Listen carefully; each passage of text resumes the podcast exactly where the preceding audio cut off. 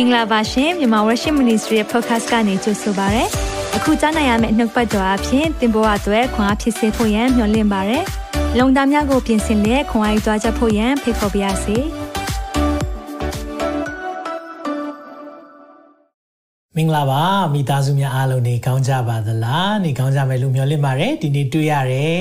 ကျွန်တော်တို့ Saturday နေ့ကတော့ဒီ series like သွားနေတဲ့အရာတန်ရှင်သောဝိညာဉ်တော်အကြောင်းတွေဖြစ်တယ်တန်ရှင်သောဝိညာဉ်တော်နဲ့ရှောက်လန်းခြင်းအပိုင်းခုနှစ်ရောက်လာပြီဆိုတော့အားလုံးပဲဝိညာဉ်တော်နဲ့ပတ်သက်ပြီးတော့တာ၍တာ၍သိနားလည်လာပြီလို့မျှော်လင့်ပါတယ်ဒါပေမဲ့ကျွန်တော်တို့အသိပဲသွားလို့မရအောင်ဒီထဲကရောက်တဲ့အရာเนาะကျွန်တော်တို့ဒီခေါင်းမှာရှိတဲ့အရာ information ခေါ်တာပေါ့เนาะဒီ ER တွေကနှလုံးသားထဲရောက်ပြီးတော့ကျင့်ကြံမယ်ဆိုရင်เนาะ transformation ပြောင်းလဲတဲ့အသက်တာဖြစ်လာနိုင်မယ်။ ဒါကြောင့်ကျွန်တော်ယုံကြည်တယ်ကျွန်တော်ခေါင်းကြီးကိုယ်သေးတွေမဖြစ်ရအောင်เนาะခေါင်းထဲမှာပဲအကုန်လုံးသိထားတာမဟုတ်ဘဲねခေါင်းထဲမှာလည်းသိထားမယ်တစ်ချိန်တည်းမှာပဲအဲ့ဒီအရာကိုနှလုံးသားထဲမှာလိုက်ရှောက်မယ်ဆိုရင်เนาะကျွန်တော်အသက်တာမှာဖျားပြတဲ့ဖျားကျွန်တော်တို့ကိုထားတဲ့ရည်ရွယ်ချက်တွေအားလုံးပြည့်စုံလာမှာဖြစ်တယ်အာမင်။အားလုံးဒီနေ့မှာတွေ့ရလို့ဝမ်းသာတယ်နှုတ်ကပတ်တော်ခံယူဖို့အစဉ်သင်းဖြစ်နေကြပြီကျွန်တော်တို့ဝန်ခံနေကြနှုတ်ပတ်တော်လေးဝန်ခံရအောင်နှုတ်ကပတ်တော်ဒီကျွန်ုပ်ခြေရှိမှာမိခွက်ဖြစ်၍ကျွန်ုပ်လန်ကီကိုလင်းစေပါ၏တစ်ခါတော့ဝန်ခံ ကြပါအောင်နှုတ်ကပတ်တော်ဒီကျွန်ုပ်ခြေရှိမှာမိခွက်ဖြစ်၍ကျွန်ုပ်လန်ကီကိုလင်းစေပါ၏အာမင်ဒီနေ့ယုံကြည်ပါတယ်ဒီနှုတ်ပတ်တော်အဖြစ်သင်ရဲ့လမ်းဘာလုပ်ရမလဲဆိုတာဖခင်ဖွင့်ပြပါစေအာမင်ယေရှုတင်နဲ့ဒီနေ့ပြောမယ့်အကြောင်းအရာလေးကအခြေခံ basic လေးတော့ဖြစ်တယ် ဒါပေမဲ့တစ်ချိန်တည်းမှာပဲအော်သိပြီးသားပါလို့ကျွန်တော်ပြောတဲ့အချိန်မှာတော့အဲ့လိုခံစားရလိမ့်မယ်ဒါပေမဲ့ပြန်စဉ်းစားတဲ့အခါမှာကိုတကယ်နေ့တိုင်းသွားသလားเนาะဒီနေ့တန်ရှင်သောဝိညာဉ်တော်နဲ့ရှောက်လန်းတာဘယ်လိုမျိုးရှောက်လန်းမလဲเนาะဆိုတော့ကျွန်တော်အဆုံးပိုင်းလေးတွေရောက်လာပြီဆိုတော့ဘုရားဘုရားလိုရရှိရင်ကျွန်တော်တို့တပိုင်းလောက်ဆက်သွားပြီးရင်ဒီရဲ့ဝိညာဉ်တော် series ကိုခဏနားမယ်ပြီးရင်တော့ကျွန်တော်တို့အရေးကြီးတဲ့တခြား series တွေကိုသင်သွားဖို့ရှိတယ်ဒါကြောင့်မလို့ ဒီနေ့နှုတ်ကပတ်တော်ကိုကျွန်တော်တို့အာဝိညာဉ်တော်နဲ့ရှောက်လန်းခြင်း၅မျိုး၅မျိုးလေးကျွန်တော်ပေးခြင်းတယ်အာဒီအရာလေးတွေနေ့တိုင်းလုပ်ရမယ့်အရာဖြစ်တယ်နေ့တိုင်းကျွန်တော်တို့လည်းလုပ်နေတဲ့အရာဖြစ်တယ်ဒါကြောင့်မလို့ခက်ခဲလာတဲ့အရာတော့မဟုတ်ဘူးဒါပေမဲ့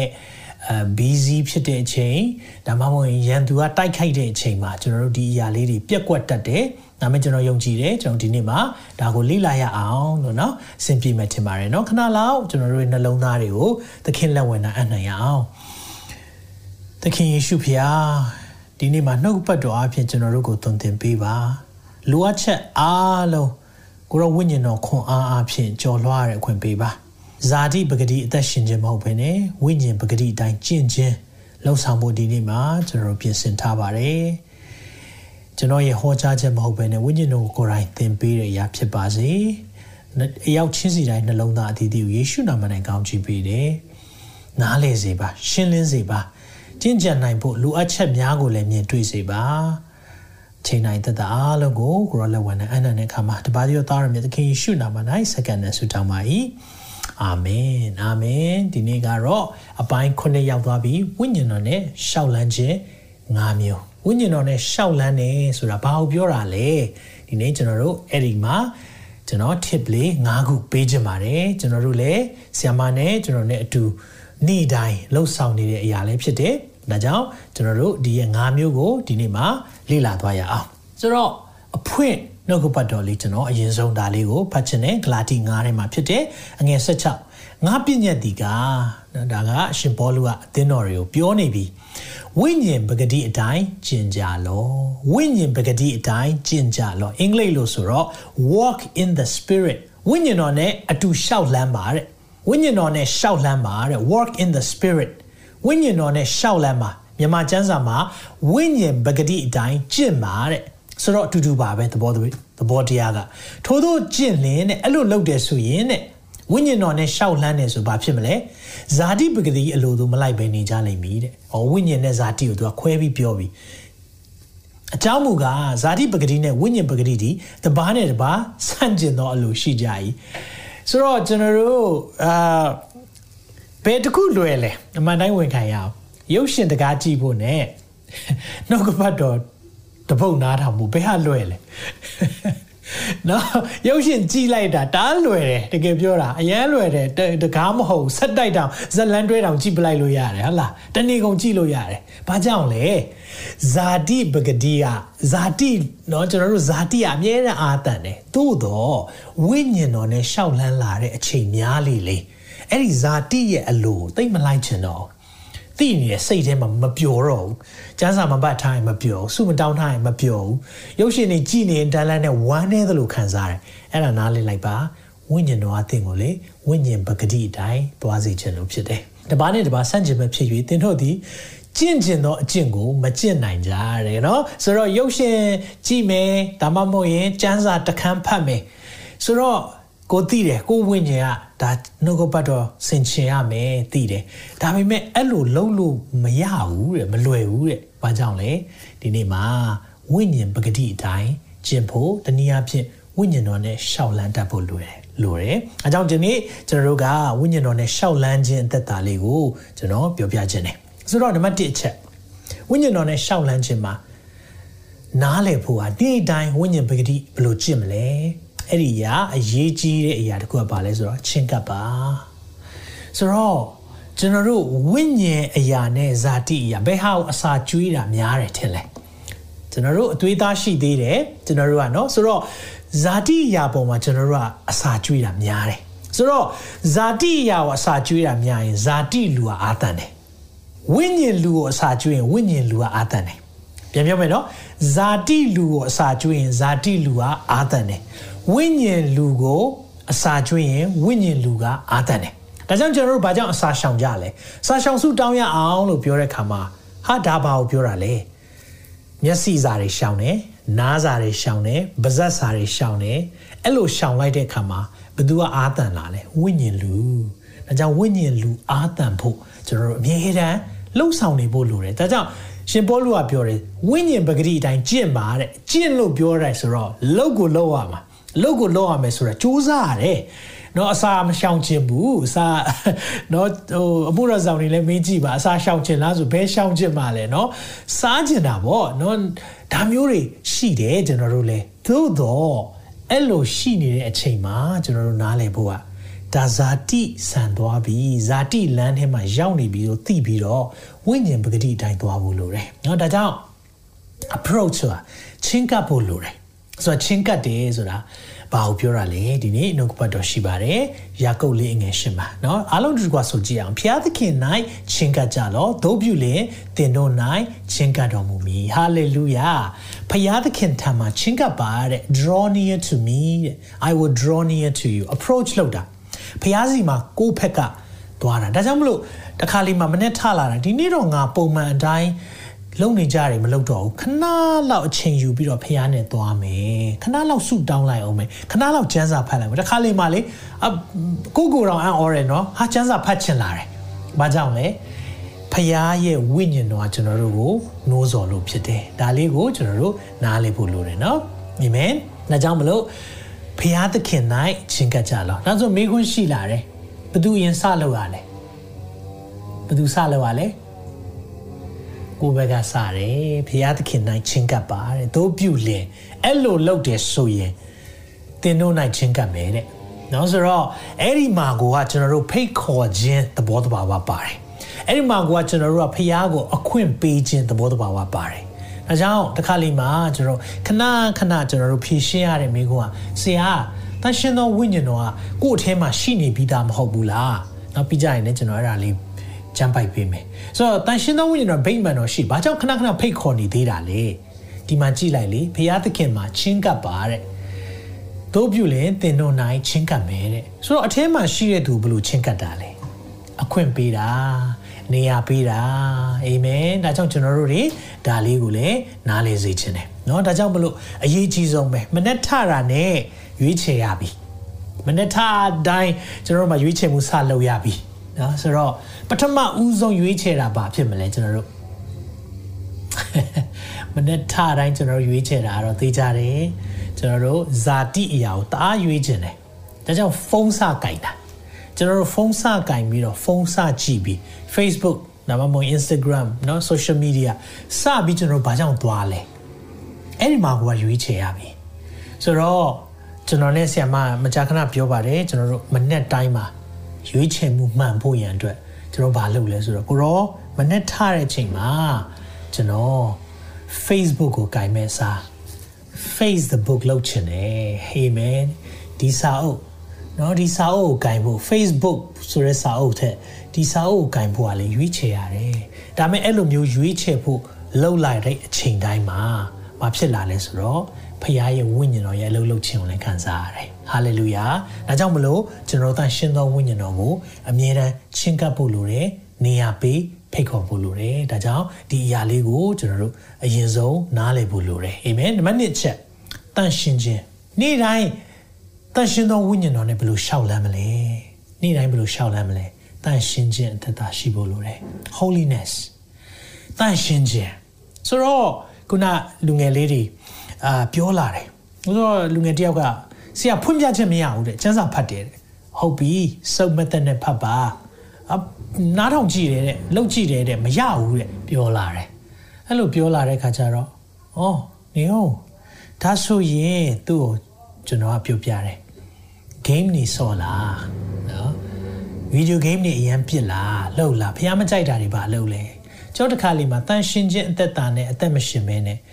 နော်ကိုနေခြင်းတလို့နေပြီးတော့ကျန်းစာဖတ်တဲ့ခါမှာဖွင့်ပြခြင်းမရှိဘူးစိတ်တွေကရှောက်သွားတယ်အကုန်လုံးဖះစကားပြောတယ်ဒီနေ့ရှင်ယာကုတ်ဩဝါဒစာဖတ်ပြီးတော့ဖះစကားပြောတာမခံရအောင်ဆိုရင်တော့အင်မတန်မှထူကြတယ်။ဘာကြောင့်ထူကြလဲဆိုတော့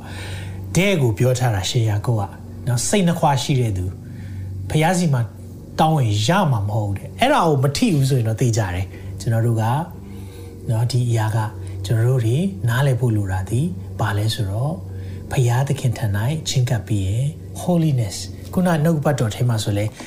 နောက်အကြောင်းလေးမှာဆိုဘာပြောလဲဆိုအပြစ်ရှိသောသူတို့တင်တို့လက်ကိုစင်ကြယ်စေကြလောတဲ့စိတ်နှခွရှိသောသူတို့တင်တို့စိတ်နှလုံးကိုတန်ရှင်းစေကြလောတဲ့အပြစ်ရှိတဲ့သူလက်ကိုစင်ကြယ်စေပါစိတ်နှခွရှိတဲ့သူတန်ရှင်းစေပါတဲ့ ပြောလာပြီเนาะအဲကြောင့်ကျွန်တော်တို့ကဘာလိုအပ်လဲဆိုတော့ holiness တန်ရှင်းခြင်းအသက်တာလိုအပ်တယ်။ဘာကြောင့်လဲဆိုတာကိုနှုတ်ဘတ်တော်ထဲမှာဒီလိုပြောတယ်။ဟေဘရဲဩဝါဒစာအခန်းကြီး7မှာဘယ်လိုပြောလဲဆိုတော့အငယ်14မှာလူပေါင်းတို့နှင့်အသင့်တင့်နေ၍ငြိမ်သက်ခြင်းကို၎င်းတန်ရှင်းခြင်းပါရမီကို၎င်းမိအောင်လိုက်ကြလော။တန်ရှင်းခြင်းပါရမီမရှိလင်အဘယ်သူမျှသာရဖျားကိုမဖူးမမြင်ရ။ တန်ရှင်းခြင်းပါရမီမရှိရင်တဲ့ဖះကိုမဖူးမမြင်ရဘူးအဲ့ဒါကိုပဲကျွန်တော်မြန်မာစာခစ်သုံးမြန်မာစာထဲကနေပြောပြခြင်းနဲ့ဟေပြင်းဩဝါဒစာအခန်းကြီး7နှစ်အငယ်14မှာလူအပေါင်းတို့နဲ့ငြိမ်းချမ်းစွာနေထိုင်ရန်နှင့်တန့်ရှင်းခြင်းကိုရရှိရန်ဘာလို့ပါပြောတယ်ကြိုးစားကြလို့တဲ့တန့်ရှင်းခြင်းကိုရရှိရန်ကြိုးစားပါတဲ့တန့်ရှင်းခြင်းမရှိရင်အဘယ်သူမျှသာရဖျားကိုဖူးမြင်ရလိမ့်မည်မဟုတ် holiness ကိုအရင်ပြောတယ်နော်တမန်ကျမ်းစာဒါမဲ့ကျွန်တော်တို့ကဒါဒီလိုနှုတ်ကပတ်တော်တွေတိတ်မပြောတော့ဘူးတိတ်လည်းမသွန်သင်တော့ဘူးသင်တော်တွေမှာဟောဖះချစ်တယ်ဖះခွင့်လွတ်တယ်ခရစ်တော်ရဲ့အသွေးတော်ကသင်ရဲ့အပြစ်ကိုရှေ့ဖះကနောက်ဖះအထိအားလုံးရှင်းထားပြီးပြီဆိုတော့အပြစ်လောက်ခွင့်လိုင်စင်ပေးလိုက်တယ်လို့ပဲအဲ့လိုမဟုတ်ဘူးဆိုတော့ဒီတန့်ရှင်းခြင်းဆိုတာဘာကိုပြောချင်တာလဲဆိုကျွန်တော်ပြောပြမယ်ကျွန်တော်ဥပမာလေးပေးချင်တယ်ဒါကဘာကိုပြောတာလဲဆိုတော့ positional holiness ဆိုတာအာကျွန်တော်တို့ခရစ်တော်ထဲမှာရှိတဲ့တန်ရှင်းခြင်းကိုပြောတာမဟုတ်ဘဲနဲ့ behavior ကျွန်တော်တို့အမှုအကျင့်တန်ရှင်းခြင်းကိုပြောတာဖြစ်တယ်ဥပမာဆိုပါစို့ကျွန်တော်ဆီမမန်စီနဲ့လက်ထပ်ထားတယ်เนาะဆိုတော့ကိုကျွန်တော်တို့မင်္ဂလာတက်တန်အခုเนาะကိုနှစ်ကိုနှစ်ရှိလာပြီဆိုတော့သူနဲ့ကျွန်တော်နဲ့ကလွန်ခဲ့တဲ့6နှစ်ကမင်္ဂလာဆောင်ထားတာကအခုရောဆောင်သေးလားဆောင်နေဒါဆိုရင်ဒီဒီအချိန်ကသူ့ထက် သူ့ကိုသူနဲ့ကျွန်တော်မင်္ဂလာဆောင်ခြင်းကပို့ပြီးမင်္ဂလာဆောင်သွားတာလားမဟုတ်ဘူး position ကျွန်တော်ရဲ့ position ကသူသူ့ရဲ့ခင်မွန်းတယ်နှစ်ယောက်ဒီကျွန်တော်တို့ဒီလင်မယားဒါပေမဲ့ကျွန်တော် behavior ကျွန်တော်အမှုအချင်းကကျွန်တော်မင်္ဂလာဆောင်ထားတယ်ဆိုတာသိဖို့လိုတယ်ဒါကြောင့်မလို့เนาะတခြားဘသူတခြားเนาะသူမဟုတ်တဲ့တခြားအမျိုးသမီးတယောက်နဲ့ကျွန်တော် relationship ရှိလို့မရဘူး။ ဘာကြောင့်မရလဲ။တန်ရှင်းခြင်းနားလည်လားမသိဘူး။ဆိုတော့ဒါကြောင့်မလို့ကျွန်တော်တို့တန်ရှင်းခြင်းအသက်တာတန်ရှင်းခြင်းအသက်တာလို့ပြောတဲ့အရာတွေဒီနားလည်ဖို့ဒီ behavior ကျွန်တော်တို့ရဲ့အမှုအကျင့်ကျွန်တော်တို့ရဲ့အတွေးခေါ်ကျွန်တော်တို့ရဲ့နှလုံးသားဒီအရာအထူးပဲတန်ရှင်းခြင်းရှိဖို့လိုတယ်ဆိုတာကိုပြောပြချင်တယ်เนาะဒါကြောင့်မလို့ဒီနေ့မှာဘာတွေ့ရလဲလူပေါင်းတို့နဲ့အသင့်တင့်နေတန်ရှင်းခြင်းပါရမီမြည်အောင်လိုက်ပါတဲ့ဒါကြမှာဖះကို တွေ့ရမယ်တဲ့အဲ့လိုပြောတယ်ဆိုတော့ကြည်ရအောင်เนาะကျွန်တော်တို့ဘာကြောင့်လဲဆိုတော့တန်ရှင်းသောဝိညာဉ်တော်လို့ပြောတိုင်းတန်ရှင်းသောဝိညာဉ်တော် Holy Spirit ဆိုတော့ holiness ကိုအရန်ကြိုက်တယ်။ငါတန်ရှင်းခြင်းကိုအရန်ကြိုက်တဲ့ခါမှာကျွန်တော်တို့အငယ်30 AFET 430ကျွန်တော်ရဲ့အကြိုက်ဆုံးကြံပိုက်ထဲကတစ်ခုဖြစ်တဲ့ရွေးနှုတ်ခြင်းရဲ့တိုင်အောင်သင်တို့ကိုတစိ့ခတ်တော်မူသောဘုရားသခင်တန်ရှင်သောဝိညာဉ်တော်ကိုစိတ်မနာစေကြနဲ့။ရွေးနှုတ်ခြင်းရဲ့တိုင်အောင် သင်တို့ကိုတစိ့ခတ်တော်မူသောဘုရားသခင်ဤတန်ရှင်သောဝိညာဉ်တော်ကိုစိတ်မနာစေကြနဲ့တဲ့။ဆိုဝိညာဉ်တော်စိတ်မနာစေနဲ့နော်တဲ့။ကျွန်တော်တို့ကို guarantee လုပ်ပေးထားတာဘလောက်နော်ဆိုတော့တန်ရှင်းခြင်းနည်းရဲ့တိုင်အောင်ကျွန်တော်တို့ကိုစယံပေးတယ်ဆိုတော့ guarantee အာမခံပေးတာအာမခံပေးတာဒါဖရားသားဖြစ်တယ်ဒါဖရားသမီးဖြစ်သွားပြီဒီသူတွေကိုကျွန်တော်တို့ သူအာမခံပေးတာအဲ့လိုအာမခံထားပေးတဲ့ဝိညာဉ်တော်စိတ်မနာစေနဲ့တဲ့ဒါဆိုရင်ဝိညာဉ်တော်စိတ်နာတတ်လားနာတတ်တယ်ခံစားချက်ရှိလားရှိတယ်ဒါကြောင့်ဝိညာဉ်တော်ဟာပုံကိုဖြစ်တယ်ဖျားဖြစ်တယ်ဆိုတော့ကျွန်တော်တို့ရှေ့ပိုင်းသင်ခန်းစာတွေတော့လေ့လာပြီးပြီဆိုတော့တန်ရှင်းသောဝိညာဉ်တော်ရဲ့အသွာလာလေးကိုကျွန်တော်တို့သိဖို့လိုတယ်ဝိညာဉ်တော်ဟာမသဘာဝရှိတယ်ကျွန်တော်လေ့လာခဲ့တယ်ဝိညာဉ်တော်ဟာမိခင်ကဲ့သို့ဖြစ်တယ်ဒါကြောင့်မလို့ကျွန်တော်တို့ညံ့သိမ်မွေ့ခြင်းရှိတဲ့တန်ရှင်းသောဝိညာဉ်တော် ਨੇ အဆက်အသွယ်ပြုရတဲ့ခါမှာအမြဲတမ်းတန့်ရှင်းနေဖို့လိုတယ်။ဒါဆိုရင်ဘုရားမကြိုက်တာပါတယ်လေ။အငယ်29မှာပြောပြီးညင်ညူသောစကား။ကျွန်တော်တို့ပြောတဲ့စကားတခွန်းချင်းစီတိုင်းအောင်တော့မှဂယုစိုက်တယ်။ဒါကြောင့်မလို့ညင်ညူသောစကားတစ်ခုခုမြတ်တင်းတို့နှုတ်ကမထွက်စေနဲ့တဲ့။မထွက်ခိုင်းဘူးနော်ညင်ညူတဲ့အရာတွေ။ကြားနာသောသူတွေအကျိုးကိုပြုစုခြင်းကတိဆောက်စရာဖို့ကောင်းသောစကားကိုသာသုံးဆောင်ကြလော့။ကြားနာတဲ့သူတွေအတွက်တိဆောက်ဖို့ကောင်းတဲ့စကားပဲ။ ပြောပါတဲ့။ပြီးရင်ဒါပဲလား။အော်ဒါဆိုရင်ပါဇက်ဆင်ချင်ရပြီပေါ့။အငယ်31မှာအဖြစ်ပါတယ်။ခတ်သိမ်းသောစိတ်တို့ခြင်းစိတ်ဆိုးခြင်းအမျက်ထွက်ခြင်းအော်ဟင်းကဝေါ်ခြင်းသူ့အသေးပြက်အောင်ပြောဆိုခြင်းဆိုတာဒါပါဇက်နဲ့ဆိုင်နေရပြီးရင်ဗာပြောလဲခတ်သိမ်းသောမနာလိုခြင်းကို၎င်း ဒါဆိုရင်ပါဇက်ပဲလားမဟုတ်ဘူးစိတ်နှလုံးသားတန့်ရှင်းဖို့ဘုရားလည်းလို့ရှိတယ်အကြောင်းခတ်သိမ်းသောမနာလိုခြင်းကိုသင်တို့ကနေဖယ်ရှားပါတဲ့အကြောင်းတန့်ရှင်းသောဝိညာဉ်တော်ဟာဗိမာန်တော်ဖြစ်တယ်ဒီဥစ္စာတစ်ကော6အငယ်19နဲ့20မှာဘယ်လိုပြောလဲအဘယ်သို့နည်းတင်တို့ကိုခန္ဓာသည်ဖျားသခင်ပေးတော်မူသောဝိညာဉ်တော်တည်ဟုသောတင်တို့အထဲ၌ကျင်းဝတ်၍တန်ရှင်းသောဝိညာဉ်တော်၏ဗိမာန်တော်ဖြစ်ကြောင်းကို၎င်းမိမိတို့ကိုမိမိ မပိုင်ကြောင်းကို၎င်းမသိကြသလောတင့်ကိုဘယ်သူပိုင်လဲကိုကိုကိုပိုင်တယ်ထင်လားကြိုက်တာလုပ်လို့ရတယ်ကြိုက်တာဝါလို့ရတယ်ကြိုက်တာတွေတောက်လို့ရတယ်ကြိုက်တာတွေငုံလို့ရတယ် no မရဘူးဒီနေ့တန်ရှင်းသောဝိညာဉ်တော်ရဲ့ဗိမာန်တော်ဖြစ်သွားပြီဆိုရင်တန်ရှင်းဖို့လိုတယ်အဲကြောင့်မေးခွန်းမေးချင်တာတင့်လက်ကဝိညာဉ်တော်ရဲ့လက်ဖြစ်ပြီလားတင့်ခြေကဝိညာဉ်တော်ရဲ့ခြေဖြစ်ပြီလားတင့်ရဲ့မျက်စိကဝိညာဉ်တော်ရဲ့မျက်စိဖြစ်ပြီလားတင့်ရဲ့အပြောအဆို အသုံးနှုန်းကဝိညာဉ်တော်ရဲ့အပြောအဆိုအသုံးနှုန်းဖြစ်ပြီလားဘာကြောင့်လဲအထဲမှာဝိညာဉ်တော်ရဲ့ချင်းဝတ်တဲ့ဗိမာန်တော်ဖြစ်နေပြီဒါကြောင့်ကျွန်တော်တို့ဒီအရာ holiness လို့ပြောလိုက်တိုင်းကျွန်တော်တို့က legalism မဟုတ်ဘူးเนาะ legalism ဆိုတာဒါမလုပ်ရဒါမလုပ်ရအဲ့လိုချုပ်တာမဟုတ်ဘူးเนาะဒီနားလဲစေချင်တယ်ဖះကိုချစ်တာချုပ်တာမဟုတ်ဘူးဖះကိုချစ်တဲ့စိတ်ကြောင့်မလုပ်တော့တာဖះကိုတနာတနာတယ်ဆိုတာ तू तू စိတ်နာတဲ့အခါမှာဝမ်းနေတယ် ဖះဝမ်းနေတဲ့အခါမှာအဲ့ဒီဝမ်းနေတဲ့အရာကိုကျွန်တော်တို့မဖြစ်စေချင်တော့ချစ်တာဟုတ်အာမင်ဖះကိုချစ်တာနားလေတယ်ကိုဖះကိုချစ်တဲ့အရာတယောက်နဲ့တယောက် relationship ရှိလာပြီဆိုရင်ဒီအရာလေးတွေကိုဆင်ခြင်လာတယ်ဒါကြောင့် holiness ကအရေးကြီးတယ်အာမင်အဲကြောင့်ကျွန်တော်တို့ကိုအဖိုးနဲ့ဝယ်ထားတဲ့ခါမှာတဲ့ကျွန်တော်တို့ရဲ့ကိုယ်ခန္ဓာနဲ့စိတ်ဝိညာဉ်အဖြစ်ဖျားပုံတော့ထင်ရှားမှုဖြစ်တယ် အာမင်ကိုယ်ခန္ဓာလည်းပါလားပါတယ်စိတ်ဝိညာဉ်ပါလားပါတယ်ဘာဖြစ်လဲဖျားရဲ့ဂုဏ်တော်ကိုထင်ရှားပါစေတဲ့အာမင်ဒါကြောင့်ကျွန်တော်တို့တွေဖျားကိုချင်းကပ်ဖို့လိုတယ်နေ့ရက်တိုင်းမှာရွေးချယ်ပါမနေ့ထားတာနဲ့ဝိညာဉ်တော်နဲ့ရှောက်လမ်းမယ်ဆုံးဖြတ်ပါစပြီးရွေးပါသင်စပြီးဖုန်းကင်လိုက်ပြီဆိုရင်တော့အဲဒီမှာတော်တော်လေးခြေလန်းတွေကနောက်ကျသွားပြီ။ဒါကြောင့်မလို့စတာနဲ့ကိုရောကိုရောကိုယေရှုတင်တယ်စသွားဖို့ဖြစ်တယ်အာမင်။စပြီးတော့ ချင်းကပ်မယ်။ပြီးရင်ဘုရားစီချင်းကပ်တဲ့အခါမှာ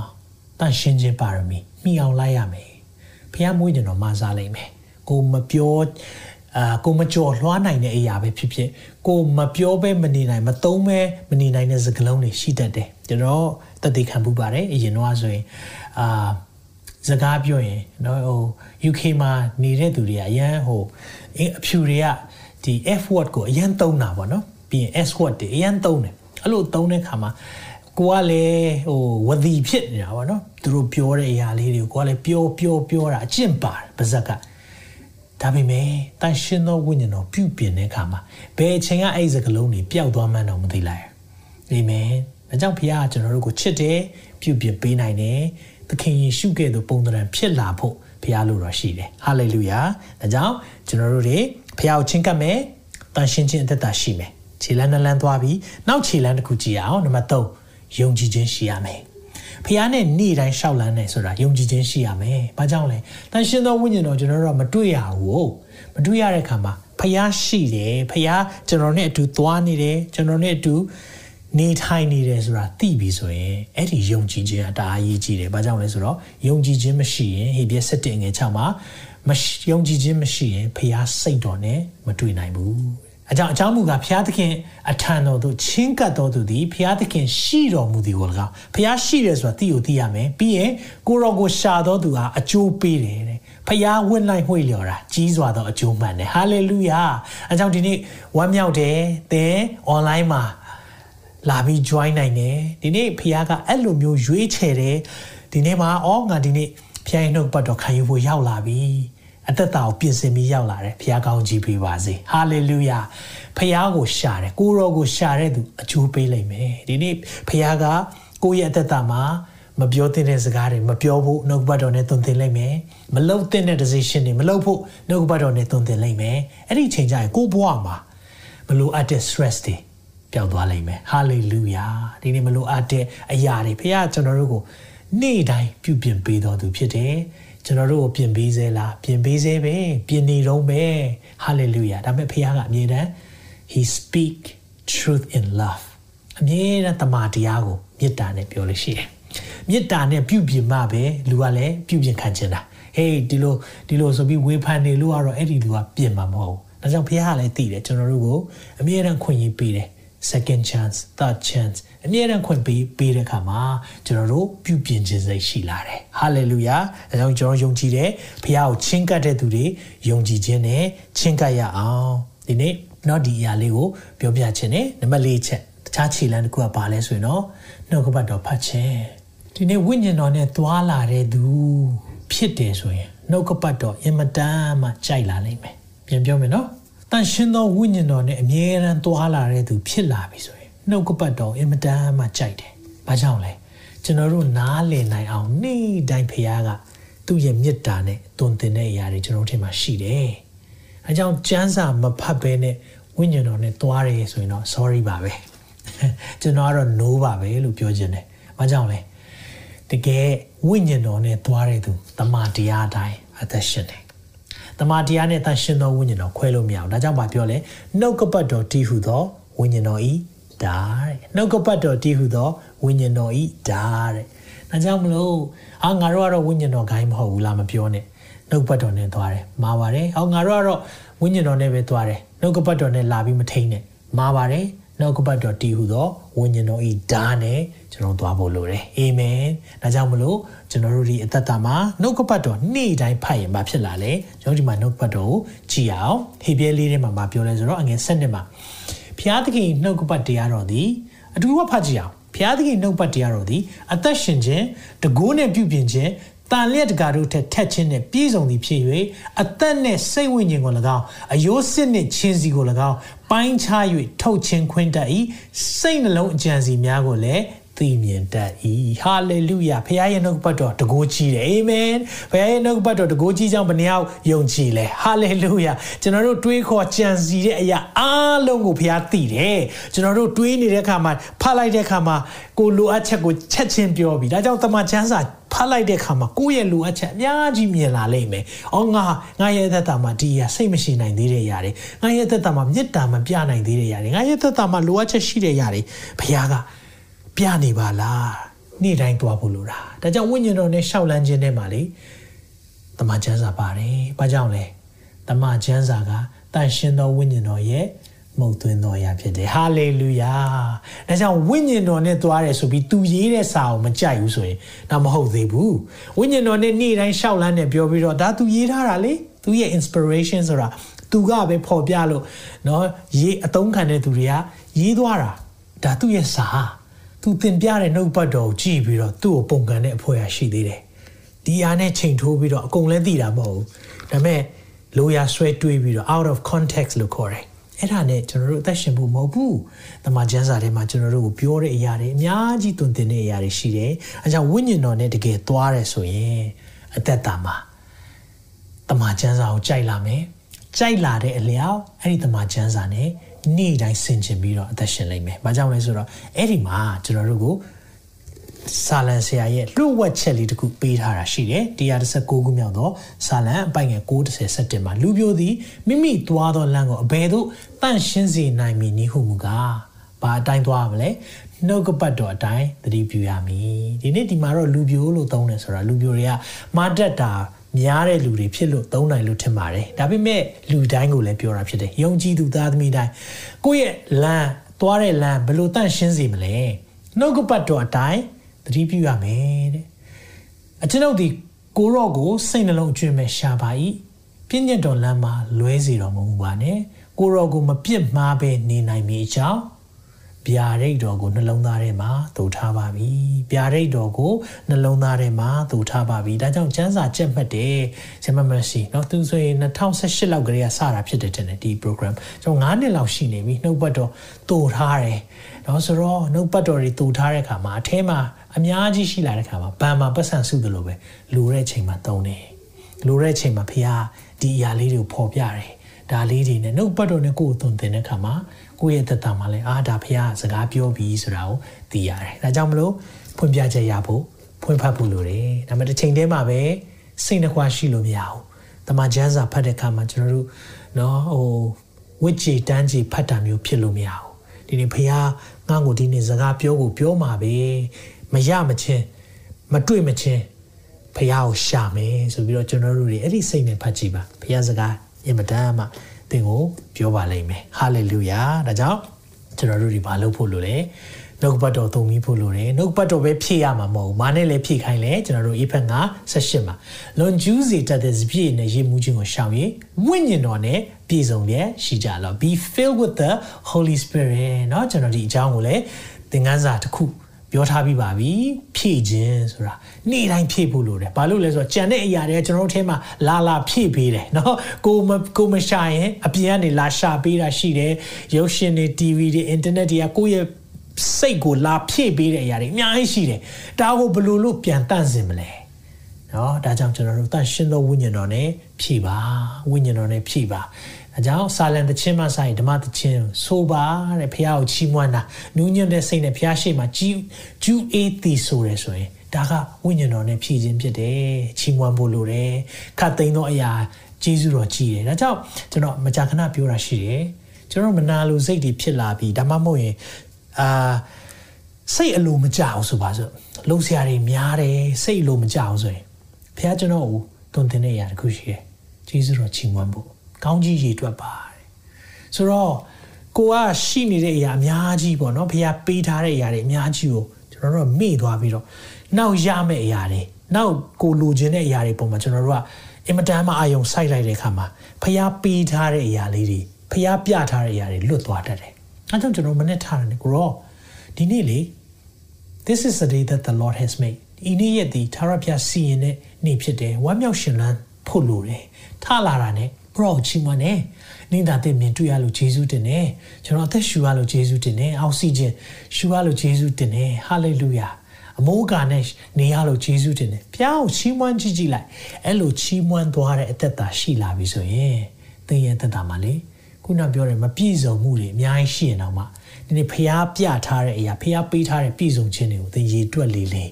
စိတ်နှလုံးသားထဲမှာအဘယ်အမှုကိုများစိုးရင်ခြင်းမရှိပဲအရာရာ၌ကျေးဇူးတော်ချီးမွမ်းခြင်းတွေကွာဆုတောင်းပတနာပြုတာเนาะ praise လုပ်တဲ့အခါမှာ prayer လည်းခါရဲလိုက်လာတယ်ပြီးရင်တော့ peace ကရောက်လာနိုင်မယ် amen ဒါကြောင့်တချို့အရာလေးတွေဒါကြောင့်ဒီနေ့ပြောတဲ့အရာလေးတွေအရင် simple ဖြစ်တယ်အရင်ရိုးရှင်းလာတယ်အော်ဒါတွေလှုပ်ဖူးပါတယ်သိပါတယ်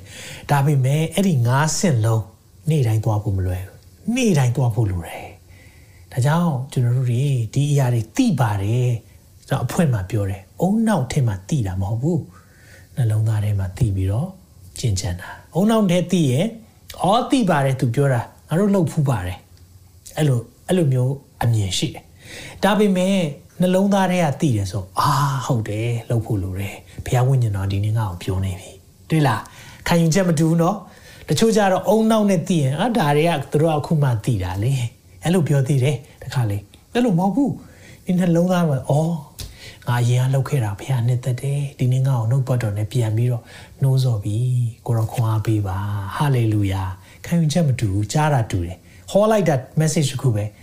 ခံယူလိုက်တာနှမျိုးဖြစ်သွားတတ်တယ်အဲကြောင့်နှုတ်ကပတ်တော်ကိုဒီနေ့ကျွန်တော်ခံယူတဲ့အခါမှာနှလုံးသားထဲမှာเนาะဒီခေါင်းထဲပဲခေါင်းပဲကြီးပြီးကိုသေးနေလို့မရအောင်เนาะဒီနေ့ခေါင်းเนาะအုံနောက်အသည့်တွေအများကြီးနှုတ်ပတ်တော်သိလာပြီဆိုရင်ဒီခေါင်းကနေဒီနှလုံးသားထဲမှာရောက်သွားဖို့ ကျွန်တော်ကြင်ကြံဖို့လိုတယ်ဝိညာဉ်တော်မာစားဖို့လိုတယ်အာမင်နောက်ဆုံးချက်တွားရအောင်ဒီချက်သိရေးကြည့်တယ်အဲ့ဒါဘာလဲဆိုရင်တော့ pray pray pray ဆုတောင်းပါဆုတောင်းပါဆုတောင်းပါဆုတောင်းပါယုံကြည်သူများဆုတောင်းပါဆုတောင်းပါဆုတောင်းပါကောင်းကင်နဲ့ဆက်သွဲတာအဲ့ဒါပဲကောင်းကင်နဲ့ကျွန်တော်တို့အဆက်အသွယ်ရဖို့ကအဲ့ဒါပဲ ချိတ်ဆက်ဖို့ကအဲ့ဒါပဲနေ့တိုင်းဝိညာဉ်တော်နဲ့ရှောက်လန်းခြင်းနဲ့ကျွန်တော်တို့ကလိုက်ရှာနေတယ်ဘယ်ဆရာဗိတ်သိကြီးတယ်လဲဘယ်ဆရာနာဆူတောင်းခိုင်းရင်ကောင်းမလဲကျွန်တော်လိုက်ရှာတယ်လိုက်ရှာတယ်ကြိုးစားတယ်ဒီနေ့ဗိတ်သိပေးတာဖះဖြစ်တယ်ဒီနေ့ကျွန်တော်တို့ကောင်းကြီးပေးတာဖះဖြစ်တယ်ဒါကြောင့်မလို့ဒီလူတွေเนาะကျွန်တော်တို့အာဟာဒီလိုဗိတ်သိပေးလိုက်လို့ဆူတောင်းလိုက်လို့အသက်တာပြောင်းလဲသွားတာရှိပါတယ်ဒါပေမဲ့ကိုယ့်ရဲ့အထဲမှာမပြုတ်ပြင်သေးဖះ သုံးလို့မရဘူးဒါကြောင့်ကျွန်တော်တို့ရဲ့သက်တာမှာအမြဲတမ်းဘုရားနဲ့ဆုတောင်းဖို့လိုတယ်เนาะဒါကြောင့်ဆုတောင်းတဲ့သူအချင်းချင်းဆိုလည်းစကားပြောရတာအဆင်ပြေတယ်နော်ဆုမတောင်းထားတဲ့သူဆိုရင် group တွေမှာဆုတောင်းရင်တအားပေါ်တယ်တိတာတယ်သူမှပြောစရာစကားလုံးမရှိဘူးဆုတောင်းနေကြသူကသူမှပြောစရာတွေအများကြီးဖះနဲ့ဆုတောင်းနေတယ်နော်ကောင်းကင်နဲ့အမြဲတမ်းချိတ်ဆက်ထားတဲ့အလေးထားရှိတဲ့အခါမှာသူ့မှာတောင်းစရာအများကြီးရှိတယ်အဲ့ဒီမှာဆုတကယ်တောင်းလားမတောင်းလားပေါ်တယ်အရှိန်လေးတော့အဟန့်လေးတော့သွားလို့ရတာပေါ့ နော်ဒါပေမဲ့ဆူတောင်းခြင်းရေးကြည့်တယ်အာကျွန်တော်ဒီ story လေးပြောပြချင်တယ်အဲ့ဒါကတော့ကျွန်တော်ဆရာကြီး Billy Graham ရဲ့ဒီသူ့ရဲ့ library ပေါ့နော်ဒါ North Carolina America American မှာရှိတယ် American နိုင်ငံ North Carolina State မှာ Charlotte မြို့မှာရှိတယ်ကျွန်တော်အဲ့ဒီမြို့ကိုမကြာခဏရောက်ပါတယ်ရောက်တဲ့အခါမှာနော်အဲ့ဒီမှာနှစ်ခေါက်လောက်ကျွန်တော်အာ ဒေါက်တာဘီလီဂရဟမ်ရဲ့ဒီသူ့ရဲ့ဒီဂုံပြူထားတယ်ပေါ့နော်သူသူကြီးပြင်းလာတဲ့အရာလေးတွေသူသူ့ရဲ့သူ့ပြတိုက်လေးပေါ့နော်လှုပ်ထားပေးတယ်သွားကြည့်တဲ့အခါမှာအဲ့ဒီကလည်းကျွန်တော်ကတော့နည်းနည်းတော့ပင်ပန်းတယ်ပေါ့နော်နှုတ်ပတ်တော်အဲ့ဒီ tall ထွက်ပြီးတော့ကျွန်တော်ဟောပြောရင်းနဲ့ရောက်လာတဲ့အခါမှာကျွန်တော်စိတ်ထဲမှာတော့ဒီနေ့ဘုရားကျွန်တော်တခုခုတော့စကားပြောပါလို့ကျွန်တော်ဒီရဲ့အာပြရရောက်လာတဲ့အခါမှာ တခုခုတော့ကိုရောစကားပြောတာကိုမြင်ကျင်တယ်အာဆရာကြီးကိုဖះသုံးတဲ့အရာကိုလည်းအင်မတန်မှအားကြတယ်ကိုရောလို့ကိုရောသူ့ရဲ့လှုပ်ဝက်ချက်လည်းသိကျင်တယ်အဲ့လိုသွားနေရင်လည်းအဲတခန်းဝင်တခန်းထွက်တော့သူတို့ပြရတာပေါ့နော်ဆရာကြီးဘီလီဂရဟမ်ရဲ့အတန်လွှင့်ခဲ့တဲ့အရာတွေသူ့ရဲ့သူသွားခဲ့တဲ့ဓာတ်ပုံတွေအများကြီးပဲကြည်ကြည်ပြီးတော့အာဂျမ်ပိုက်လေးတွေတွေ့တယ်အဲ့လိုအဲ့လိုမျိုးလေးတွေပေါ့နော်သွားနေသွားနေရင်လည်း အဲ့မှာ TV မှာ interview တစ်ခုဖွင့်ထားတာကိုကျွန်တော်သွားတွေ့တယ်။သွားတွေ့တော့အဲ့ဒီ interview ကိုကျွန်တော်ကြည့်လိုက်တော့အာသူ့ကိုဒီမျိုးသမီးသတင်းထောက်တယောက်ကမေးထားတာပေါ့နော်။ဆိုတော့ဆရာကြီးတဲ့ဆရာကြီးဘုရားမှာအများကြီးပဲအာနိုင်ငံတကာမှာအာဒီလွှမ်းမိုးမှုရှိတယ်ပေါ့။သွားတာတွေထိရောက်မှုရှိတယ်။ဒါပေမဲ့အရာအလုံးကိုပြန်ဆရမယ်ဆိုရင်ဟိုဘာများ ထူးခြားတာပြောင်းလဲလုပ်ချင်လေတဲ့အိမ်မေကိုမေးတာပေါ့ what would you do differently တဲ့ဆိုတော့ဘယ်လိုမျိုးပြန်ပြီးပြောင်းလဲမလဲဆိုတော့သူဘာဖြေတယ်ထင်လဲကျွန်တော်တဲ့တချို့ခီးစဉ်တွေကိုမသွားပဲနဲ့တဲ့ဆုတောင်းပါတဲ့အဲ့ဒီချိန်မှာကျွန်တော်ခီးတွေတွားပြီးတော့ဧဝံဂေလိဟောတဲ့ချိန်မှာဟာချက်ချင်းကျွန်တော်ကျွန်တော်နှလုံးသားထဲမှာဖះစကားပြောတာခံစားရတယ်တ ခါလီမှာကျွန်တော်တို့ဖះအကြောင်းပြောတာတဲ့ဖះနဲ့စကားပြောဖို့လိုတယ်ဟာလေလုယာဒီနေ့ကျွန်တော်ဖះအကြောင်းသင်ကိုပြောပြတယ်ဒါမဲ့အဲ့လိုဖះအကြောင်းပြောဖို့တဲ့ဒီခါလေးမှာဖះနဲ့စကားပြောဖို့လိုတယ်အဲကြောင့်မကြာခဏဒီအရာလေးကကျွန်တော်တို့အတွက်ဇာတိပဂတိလမ်းကိုလိုက်တဲ့အခါမှာစုမထောင်းချင်ဘူးဖះနဲ့စကားကိုမပြောချင်ဘူးလူတွေနဲ့ပဲပြောချင်တယ်အဲကြောင့်လူတွေနဲ့အရန်စကားပြောတဲ့သူဆိုရင်သိချတယ်ဖះနဲ့မပြောတာအားသိတာတယ် ဘာလို့ဆိုသူ့ရဲ့ဇာတိပဂတိအတိုင်းပဲသွားချင်တာဒါပေမဲ့ဝိညာဉ်လူကြတော့လေခါလေးလူတွေနဲ့စကားပြောဖို့ထက်ဖះနဲ့စကားပြောရတာပိုကြိုက်တယ်အဲကြောင့်ဝိညာဉ်ဝိညာဉ်ပဂတိအတိုင်းကျင့်ပါအဲ့ဒီမှာဟာကျွန်တော်အဲ့ဒီပြရိုက်ကနေပြန်လာတဲ့အခါမှာဆူတောင်းမယ်ဆူတောင်းမယ်အဲ့နဲ့ဖြစ်ချင်တော့ကျွန်တော်လက်ဆောင်ပေးလိုက်ပေါ့နော်ပထမအဆုံးချိန်ရောက်လာတယ်ဆိုတော့အဲ့မှာကျွန်တော် survey လေးပေါ့နော်သူတို့ရဲ့စစ်တမ်းလေးဖြည့်ပြီးရင်လက်ဆောင်ပေးမယ်ဆိုကျွန်တော်လည်းအဲ့ဒါလေးကိုကောက်ဖြည့်လိုက်ပြီးတော့တင်လိုက်တဲ့အခါမှာသူကအိတ်ကလေးတစ်ခုပေးလာတဲ့အခါမှာဘာစာအုပ်ရလာလဲဆိုတော့စုတောင်းသူစုတောင်းရမယ်သူများလိုက်နာရန်စီမင်း28ခုဆိုတော့ဟာဖခင်ရဲ့စကားပြောခြင်းကလေအဲ့ဒီစာအုပ်ကြည့်ပြီးတော့အများကြီးကိုယ့်ရဲ့တတာကိုပြုပြင်သွားတယ်ကျွန်တော်အဲ့အကြောင်းကျွန်တော် အာအတူလေးတွေရိုက်ထားတာရှိတယ်စာအုပ်ပေါ်အခြေခံပြီးတော့နောက်ပိုင်းမှာကျွန်တော်ခွင့်ရတယ်ဆိုရင်ပြန်လွှင့်ပေးမယ်တချို့တွေလည်းကြည်ဖူးလိမ့်မယ်ဆိုတော့28ခုရှိတယ်ဆုတောင်းခြင်းနဲ့ပတ်သက်ပြီးတော့အဲကြောင့်ဆုတောင်းခြင်းယုံကြည်သူများဆုတောင်းခြင်းနဲ့ယုံကြည်သူဆိုတာခွဲလို့မရရအောင်ခွဲလို့မရအောင်ခွဲပြစ်လို့မရအောင်နော်ကျက်ဥဆိုရင်ကျက်ဥနဲ့အကာနဲ့အနှစ်နဲ့တွဲနေတယ်လို့ပဲယုံကြည်သူတယောက်ဖြစ်ပြီးဆိုဆုတောင်းခြင်းတွဲနေဖို့လိုတယ်အာမင်ဒါကြောင့်ကျွန်တော်ရဲ့သက်တာလည်း ကြိုးစားပါတယ်ကြိုးစားနေရစေဖြစ်တယ်ဒါပေမဲ့ဖះနဲ့စကားပြောဖို့လိုတယ်ဖះအကြောင်းပြောတာလည်းကောင်းပါတယ်တစ်ချိန်တည်းမှာပဲဖះနဲ့လည်းစကားပြောပါလို့အမှုတော်ဆောင်တွေကိုလည်းဒီနေ့ခွာပေးခြင်းနဲ့ဖះအကြောင်းပြောတာကောင်းတယ်ဖះနဲ့လည်းစကားပြောပါအောင်လို့အာမင်ဒါကြောင့်ကာလအစဉ်စိတ်နှလုံးပါလျက်ဆုတောင်းပန်နာပြုခြင်းမျိုးမျိုးတို့ဖြင့်ဆုတောင်းကြလို့တဲ့အေဖက်6ငွေ18မှာကာလအစဉ်လို့သုံးထားပါတယ်ဒါကြောင့်အမြဲတမ်းစိတ်နှလုံးပါလျက် နော် prayer in the spirit လို့သုံးတယ် praying in the spirit ကျွန်တော်ဒီအကြောင်းကိုလည်းအသေးစိတ်အဲ့ဒီအာလက်နဲ့စုံများပေါ့နော်အာဖျားပြင်ဆင်တဲ့လက်နဲ့စုံများဆိုတဲ့ series မှာ prayer in the spirit စိတ်လုံးပါလဲဆူတောင်းခြင်းပါလဲဆိုတာကျွန်တော်အသေးစိတ်ပြောထားတာရှိပါတယ်အဲ့လိုဆူတောင်းခြင်းကအားမလျှော့ပဲနဲ့ငါမဆိုင်တန်ရှင်းသူပေါင်းလို့ဆူတောင်းလဲဆောင်းလျှောက်ကြတော့ရှင်ပေါလုက ငါအတွက်ကောတန်ရှင်းသူတွေအတွက်ကောဆိုယုံကြည်သူတွေအားလုံးအတွက်ဆုတောင်းပေးပါတဲ့အာမင်ဒီနေ့ကျွန်တော်လည်းမိတ်ဆွေတို့ကိုဒီနေ့မေတ္တာရက်ခံခြင်းနဲ့ကျွန်တော်တို့အတွက်ဆုတောင်းပေးပါအမြဲတမ်းဆုတောင်းပေးပါเนาะကျွန်တော်တို့ကိုအဲကြောင့် partner လုပ်တဲ့အခါမှာကျွန်တော်တို့ prayer အမြဲတမ်းနံပါတ်1မှာထားပါတယ်ဆုတောင်းခြင်းနဲ့ပံ့ပိုးဖို့အင်မတန်မှအရေးကြီးပါတယ်ဒါကြောင့်ကျွန်တော်တို့ကိုဆုတောင်းပေးပါလို့เนาะဒါကြောင့် ဒီနေ့ပြောလာတဲ့အရာလေးတွေကိုကျွန်တော်အဆုံးသတ်ခြင်းနဲ့နံပါတ်1ကချင်းကပ်ပါเนาะဖေဝိညာဉ်ပဂတိအတိုင်းသက်ရှင်ဖို့ဆိုရင်ဖေကိုချင်းကပ်ဖို့လိုတယ် approach လုပ်ရမယ်ပြီးရင်တန်ရှင်းခြင်းသက်သာရှိဖို့လိုတယ်ဖေကတန်ရှင်းခြင်းအင်တာမှာကြိုက်တယ် behavior ဖြစ်တယ်เนาะ position မဟုတ်ဘူးကျွန်တော်ခရစ်တော်ထဲမှာတန်ရှင်းသူဖြစ်ပြီးသားတန်ရှင်းသူဖြစ်လို့ တန်ရှင်းစွာနေတာအာမင်ဒါလေးကိုသိရမယ်ပြီးရင်ယုံကြည်ခြင်းမရှိလို့မရဘူးနေ့တိုင်းယုံကြည်ခြင်းနဲ့ရှောက်လန်းနေဖို့လိုတယ်ဒါကြောင့်ယုံကြည်ခြင်းရဲ့ဆန့်ကျင်ဘက်ကယုံကြည်ခြင်းရဲ့ဆန့်ကျင်ဘက်ကအမြင်ဒါကြောင့်နေ့တိုင်းကျွန်တော်တို့မြင်တဲ့အပေါ်မှာပဲသွားခြင်းနဲ့เนาะ we live by faith not by sight เนาะယုံကြည်ခြင်းစံကျင်ဘက်ကအမြင်ဖြစ်တယ်။အဲကြောင့်မလို့ကျွန်တော်တို့အမြင်နေနဲ့သွားတာထက်ဖခင်ရဲ့ဝိညာဉ်တော်နဲ့သွားဖို့သည် ယုံကြည်ခြင်းအမြင်နဲ့လိုတယ်။နောက်ပြီးရင်နှုတ်ကပတ်တော်အမြင်နဲ့ဖတ်ပါ။ဘာကြောင့်လဲဝိညာဉ်တော်မှုတ်သွင်းထားတဲ့အရာဖြစ်တယ်။အဲကြောင့်နှုတ်ပတ်တော်နဲ့အသက်တာကိုဆင်ခြင်ဖို့လိုသလိုဆူတောင်းပါကာလအစဉ်စိတ်လုံးပါလဲဆူတောင်းပါအဲ့လိုဆူတောင်းနေဆိုရင်ကျွန်တော်တို့ဖွင့်အဖွင့်မှာဖတ်ခဲ့တဲ့ဂျမ်ပိုက်ဖြစ်တယ်ဝိညာဉ်ပဂတိတိုင်းကျင့်နေသူဖြစ်ဖို့လိုတယ် working in the spirit ဝိညာဉ်တော်နဲ့ရှောင်လန်းတဲ့သူတွေဒါကြောင့်ဒီရဲ့ငါးငါးခုအရင်သွားအောင်ဒီထက်မကအများကြီးတော့ရှိပါသေးတယ်ဒါပေမဲ့ကျွန်တော်ဒီအရာနဲ့စရအောင်အရေးကြီးတယ်လို့မြင်တဲ့အရာတွေဖြစ်ပါတယ်ဒါကြောင့်ယယောမရှစ်14ကိုပြောပြီးတော့ကျွန်တော်ဆုံးသက်ခြင်းနဲ့ဖျားသခင်ဤဝိညာဉ်တော်ဆုံးမပဲ့ပြင်တော်မူသမျှသောသူတို့သည်ဖျားသခင်ဤသားဖြစ်ကြ၏ ဝိညာဉ်တော်ဆုံးမပဲ့ပြင်ခြင်းရှိတဲ့သူတွေဒါကြောင့်ဒီနေ့ကျွန်တော်တို့ကြားတဲ့အခါမှာကိုယ့်ရဲ့အသက်တာကိုဝိညာဉ်တော်ကဆုံးမပဲ့ပြင်နေတဲ့သူ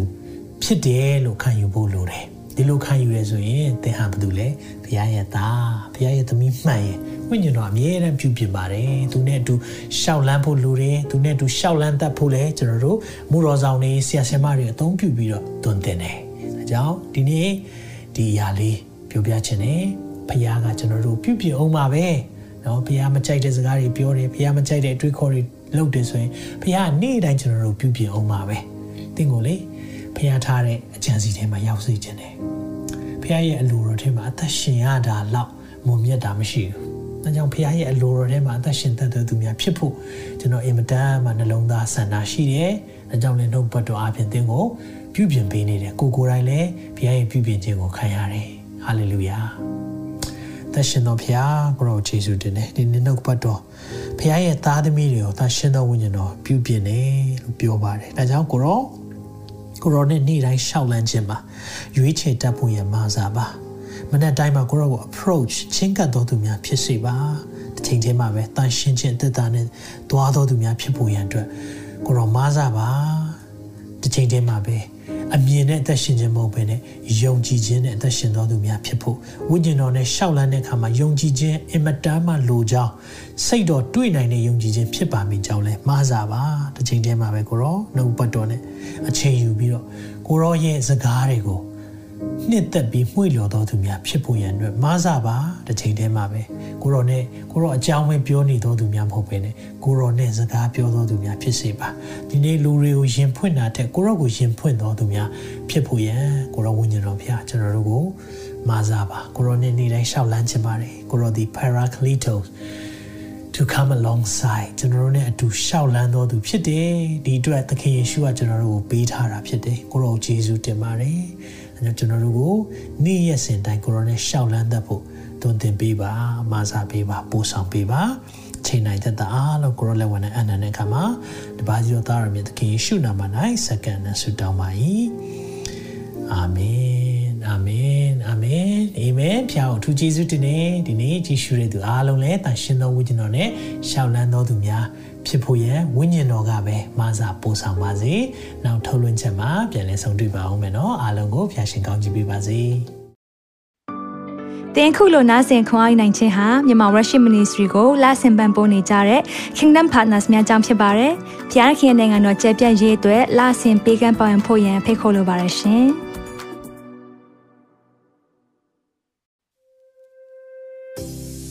ကြားနာခဲ့ရတဲ့နှုတ်ပတ်တော်အဖြစ်ခွန်အားရရှိမဲ့လို့ယုံကြည်မျှော်လင့်ပါတယ်။ခွန်အားရဆိုလို့ရှိရင်ဒီတစ်ပတ်နဲ့ပြန်လည်ဝင်မြပေးဖို့ရန်တောင်းဆိုပါရစေ။မြန်မာ Worship Ministry ရဲ့ website myanmarworship.com ကိုလည်းလာရောက်လေ့လာဖို့ရန်တက်ဖိတ်ခေါ်ချင်ပါတယ်။တစ်ချိန်တည်းမှာမြန်မာ Worship Ministry ရဲ့ social media platform များဖြစ်တဲ့မြန်မာ Worship YouTube Channel, မြန်မာ Worship Facebook Page နဲ့မြန်မာ Worship Instagram များကိုလည်းလာရောက်လေ့လာဖို့ရန်အတွက်ဖိတ်ခေါ်ချင်ပါတယ်။နောက်တစ်ချိန်မှာပြန်လည်ဆုံတွေ့ကြပါစို့။ဖျားရှင်ကောင်းကြီးပေးပါစေ။